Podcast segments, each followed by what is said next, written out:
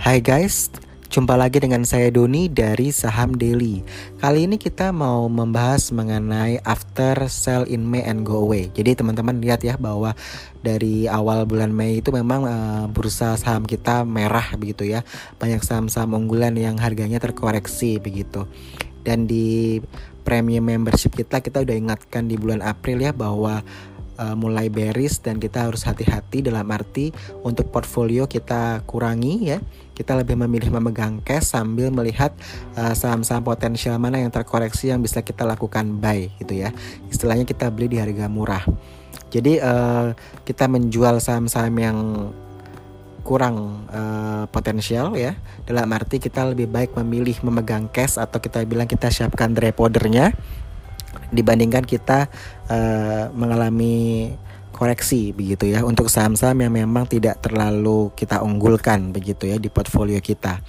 Sehingga ketika ada harga saham yang uh, jatuh dan kita suka dengan saham tersebut kita sudah lihat sebenarnya ini harga terdiskon ya kita masuk di, di saat yang tepat begitu ya. Contohnya mungkin kayak saham Tekim ya INKP PTSN itu kita sudah uh, lumayan untuk Tekim terutama Tekim ya karena sudah reboundnya itu kita sudah uh, cuan besar ya di Tekim. Lalu uh, di minggu ketiga dan keempat itu kita mulai uh, kayak kita bilang rebound uh, tidak terlalu kuat tapi lumayan begitu ya uh, sehingga kita bilang ini kayak kado lebaran aja gitu ya THR lebaran begitu karena juga kita melihat uh, banyaknya dividen ya yang uh, pengumuman-pengumuman hasil RUPS mengenai pembagian dividen sehingga itu uh, memberikan uh, angin segar bagi kita ya sehingga pasar menjadi hijau saat itu. Nah, tentu kalau Uh, kita bilang setelah sell in May and go away apa ya? Ya dividen kita bilang ya. Makanya uh, di kali kali ini saya di episode ke-50 kita bahas lagi mengenai dividen. Kalau teman-teman ingat di podcast episode 6 kita sempat bahas capital gain and dividend lalu di episode 26 kita juga membahas mengenai bagi-bagi dividen. Jadi ini episode ke-50 podcast Saham Daily. Dan kita uh, fokus di dividen.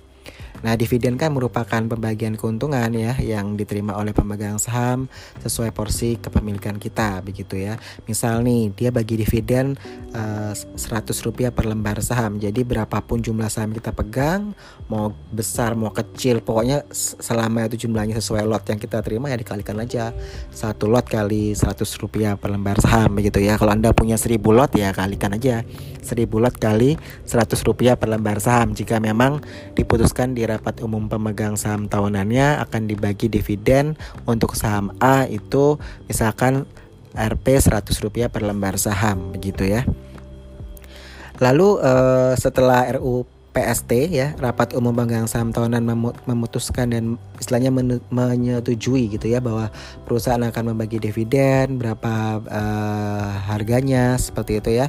Nah ini disebut dengan rasio DPR ya, dividen payout ratio. Jadi dividen payout ratio rasio ini merupakan porsi dividen yang akan dibayarkan yang diambil dari laba bersih perusahaan pada tahun berjalan. Supaya nggak bingung begini. Misalkan uh, laba bersih perusahaan A, ini dia tahun lalu di tahun 2018 dapat 100 miliar. Lalu ketika RUPST manajemen memutuskan nih bahwa akan dibagi 50 miliar sebagai dividen. Artinya dividen payout ratio-nya itu sebesar 50%. Kan 100 miliar laba bersihnya dibagi cuma 50 miliar sebagai dividen kepada pemegang saham. Nah, 50 miliarnya itu nanti di, dia disimpan sebagai laba ditahan atau kita bilang return earning. Jadi, return earning ini laba ditahan ini biasanya dipakai untuk uh, diputar lagi oleh perusahaan ya untuk bisnisnya gitu. Nah, return earning atau laba ditahan ini dibukukan atau di, dicatat di sisi ekuitas di neraca di laporan keuangan. Sedangkan dividen uh, dividen yang kita terima itu itu dibagikan kepada pemilik saham gitu ya. Jadi ada dividen payout ratio yaitu merupakan rasio uh, antara uh, laba bersih ya. Jadi kalau laba bersihnya 100 miliar diputuskan uh, dibagi 50 miliar berarti DPR-nya 50% ya kan. Lalu 50% sisanya itu sebagai return earning ya supaya nggak bingung. Oke. Okay? Nah, lalu ketika dia memutuskan, oh saya akan bagi dividennya 100 rupiah per lembar saham, itu artinya dividen per share gitu ya. Dividen per share itu adalah jumlah rupiah akan dibagi dengan jumlah saham yang beredar gitu ya. Misalkan tadi 50 miliar tuh. Uh, kan akan dibagi 50 miliar 50 miliar berarti 50 miliar dibagi dengan jumlah saham yang beredar dapatnya berapa nah itu yang akan dibagi uh, harganya jadi per lembar sahamnya berapa itu namanya dividen per share ya jadi tadi ada dua istilah yang saya eh tiga istilah saya kenalkan ya uh, dividen payout ratio yang 50% tadi lalu ada return earning ya 50 miliar yang sisanya lalu ada dividen per share uh, ini yang 5 100 eh, rupiah per lembar saham ya. Saya ambil contoh tadi 100 rupiah ya dividennya. Lalu apa saja sih eh, hal-hal yang harus diperhatikan di dividen ini yaitu biasanya kita kenal dengan camdet ya, cumdate, cumdet gitu ya, camdet kita bilangnya. Nah, camdet ini misalkan uh, tanggal 10 Juni gitu ya, berarti seseorang yang memiliki saham tersebut pada saat penutupan pasar di sore hari tanggal 10 Juni itu dia berhak atas dividen yang akan dibagikan gitu. Jadi camdet ini adalah tanggal yang digunakan sebagai batas pemegang saham berhak untuk mendapatkan dividen begitu. Tadi kan saya sebutkan misalkan oh camdetnya tanggal 10 Juni nih. Jadi orang yang misalkan tanggal 10 Juni pagi dia beli sampai tutup sore hari dia masih pegang itu. Nah, itu dia berhak untuk mendapatkan dividen.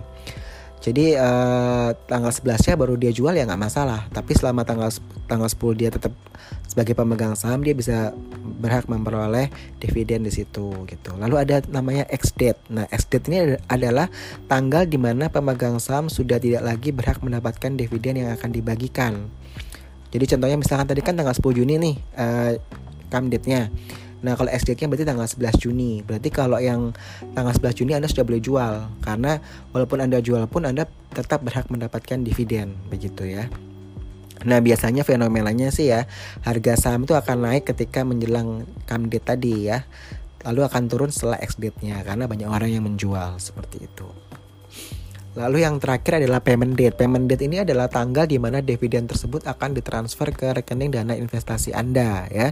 Tentu sudah dipotong pajak ya. Pajaknya 10% ya. Uh, pajak PPh 4 e 2 begitu. Jadi yang Anda terima itu sudah net ya, udah bersih seperti itu. Jadi itu uh, gambaran singkat mengenai dividen ya.